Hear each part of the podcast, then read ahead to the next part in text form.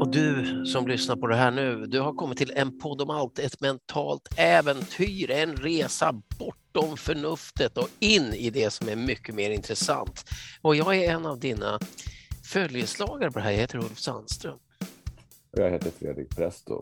Jag har precis en resa bortom allting kanske till och med. Ja, förnuft, eller bortom allting förnuftet eh, tror Precis, är bortom förnuftigt. förnuftet. Ja, precis. Precis.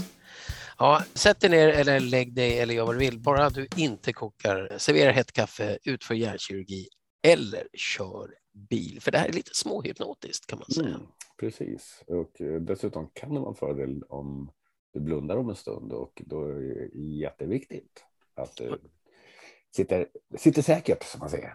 Precis, eller ta en promenad, gå ut med hunden eller Ja, precis. Då behöver du stå inte blunda, men då, då kan du låta blicken bli lite sådär dimmig. ofokuserad. Ja, dimmig. Mm, dimmig. Vi åker i en di- di- di- di- di- dimma genom natten. Och nu när du gör det här, du kan blunda eller bli dimmig i blicken nu. Nu ska vi bortom förnuftet, för vi gör alla olika val och i slutet är det valen som gör dig. Ken Levine. Ja. Ditt liv vecklas ut medan det händer Mm, just nu. just det. Och allting dyker upp i, på radarn i, i dina sinnen. Mm, Oavsett om det är medvetet eller inte. Och eh, får dig att fatta beslut av något slag. ja, fattat. Att säga hej till någon, Hej. att välja vad du ska äta. Fråga efter riktningen eller bara tillåta en situation att vecklas ut. Hmm. Det som, gör, det som hjälper dig då att, att fatta de här besluten, oavsett om de är små eller stora, snabba eller långsamma, intuitiva eller förnuftsbaserade. Det är en hel repertoar av verktyg som hela tiden supportas färgstarkt av din fantasi. En slags duk, bioduk eller målarduk av sinnen som tillåter dig att skapa alternativa scenarion och jämföra dem med tidigare erfarenheter, fördelar, nackdelar, fakta, idéer och känna hur det känns ifall de skulle iscensättas och innan du väljer, ofta i en hastighet bortom till och med fantasin och utan att ens komma upp till ytan som en förnuftig tanke i ditt sinnes teater. De grekiska filosoferna föreslog en metafor eh, av en vagn som dras av två hästar i den där teatern. Eh, passionens häst och eh, förnuftets häst. När bara en häst drar så kommer den här vagnen att gå i cirklar. Om de drar i motsatt riktning så kommer den bara stå stilla.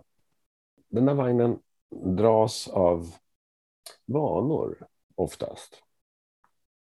Som eh, blir guidade av impulser som är skapade från erfarenheter i det förflutna och drömmar om vart den borde vara på väg.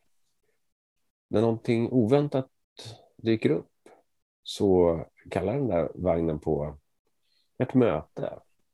Samlar alla för att skapa ett beslut om vad som bör göras. Om vad som bör göras. För i, i kristallkulan av ditt universum så är det många dimensioner som samspelar när framtiden ska förutses. Och som en fisk i en flod så finns det olika sätt för dig att, att lägga alla dessa krafter så att de verkar i en och samma riktning, där de kan knuffa och dra dig in i olika handlingsmönster. Och den medvetna toppen på det här dynamiska isberget vilar på multipla processer under ytan. Ditt rationella tänkande är en myriad av olika system som lägger fakta bredvid erfarenhet, bredvid hopp, bredvid fruktan.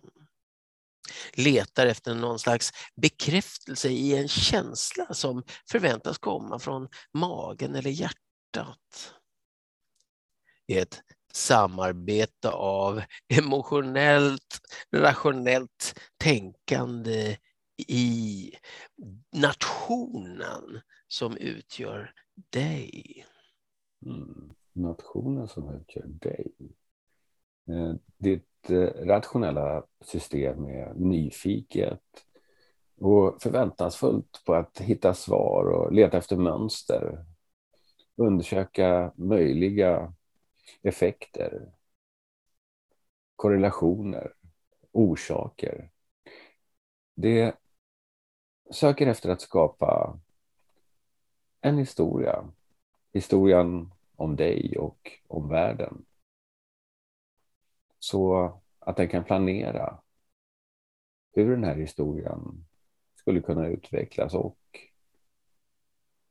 av sin egen natur, utifrån sin egen natur, ofta befinner sig ett steg efter din intuition ditt passionssystem av känslor fungerar på ett helt annat sätt. Det summerar allting det kan i olika sinnen.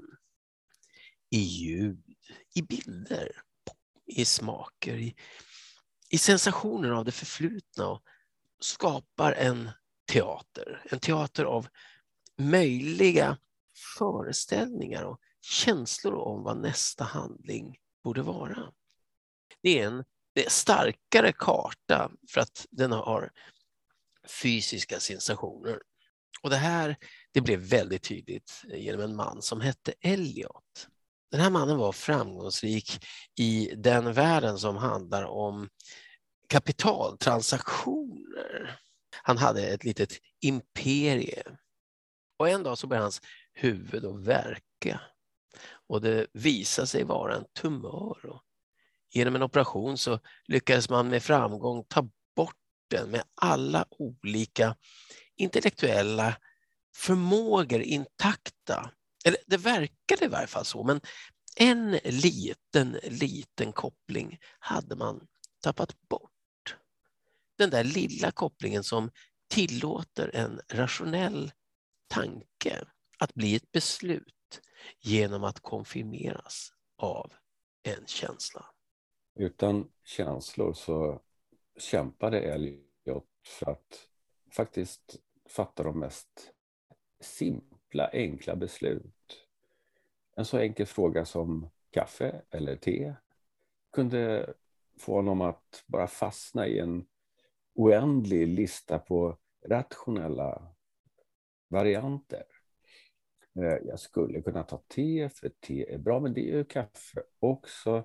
Båda är morgondrycker och så vidare och så vidare. Han var helt inkapabel, inkapabel att kunna känna vilket alternativ han skulle välja och därför for, fortsatte han vara törstig och gjorde ingenting.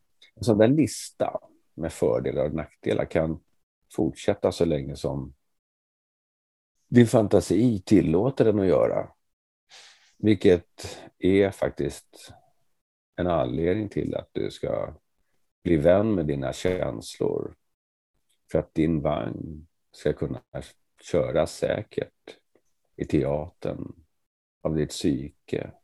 När den projiceras in i din verklighet. I din verklighet, i ditt psyke, i din teater. För mm. man skulle kunna sammanfatta en del av en del och säga att bortom det rationella finns känslorna och intuitionen kommer att kombinera det tu i det som blir dina beslut. Och då är det dags att om du blundar så kan du ta ett djupt andetag och ja, kanske öppna ögonen och mm, sträcka lite på dig. Kanske fundera lite på vad var det i allt det här egentligen som kändes så där otroligt, jag vet inte hur jag ska säga, gitarrele? Hej.